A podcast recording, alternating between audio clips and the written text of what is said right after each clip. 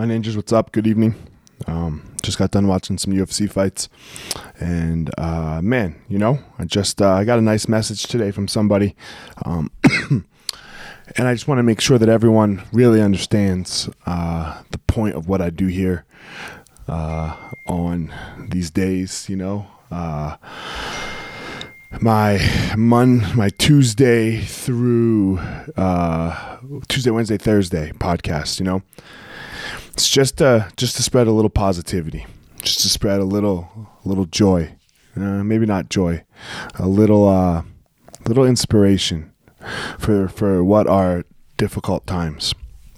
You know, and to just keep us, me included, like going forward marching forward and really understanding that uh, the only way down is in your own mind.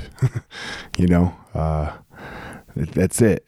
If you keep your mind strong, if you do the mental work, if you do the the things that have to be done, if you uh, think, if you deal with your thoughts in a positive way, in a skillful way, that's the only way down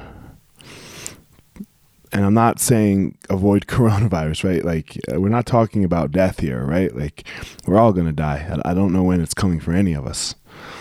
Um, so like this has nothing to do with life and death. Uh, actually, it has nothing to do with with death. It has everything to do with life. Right? How how do we live our lives? How do we walk through our day? How do we walk through moment to moment?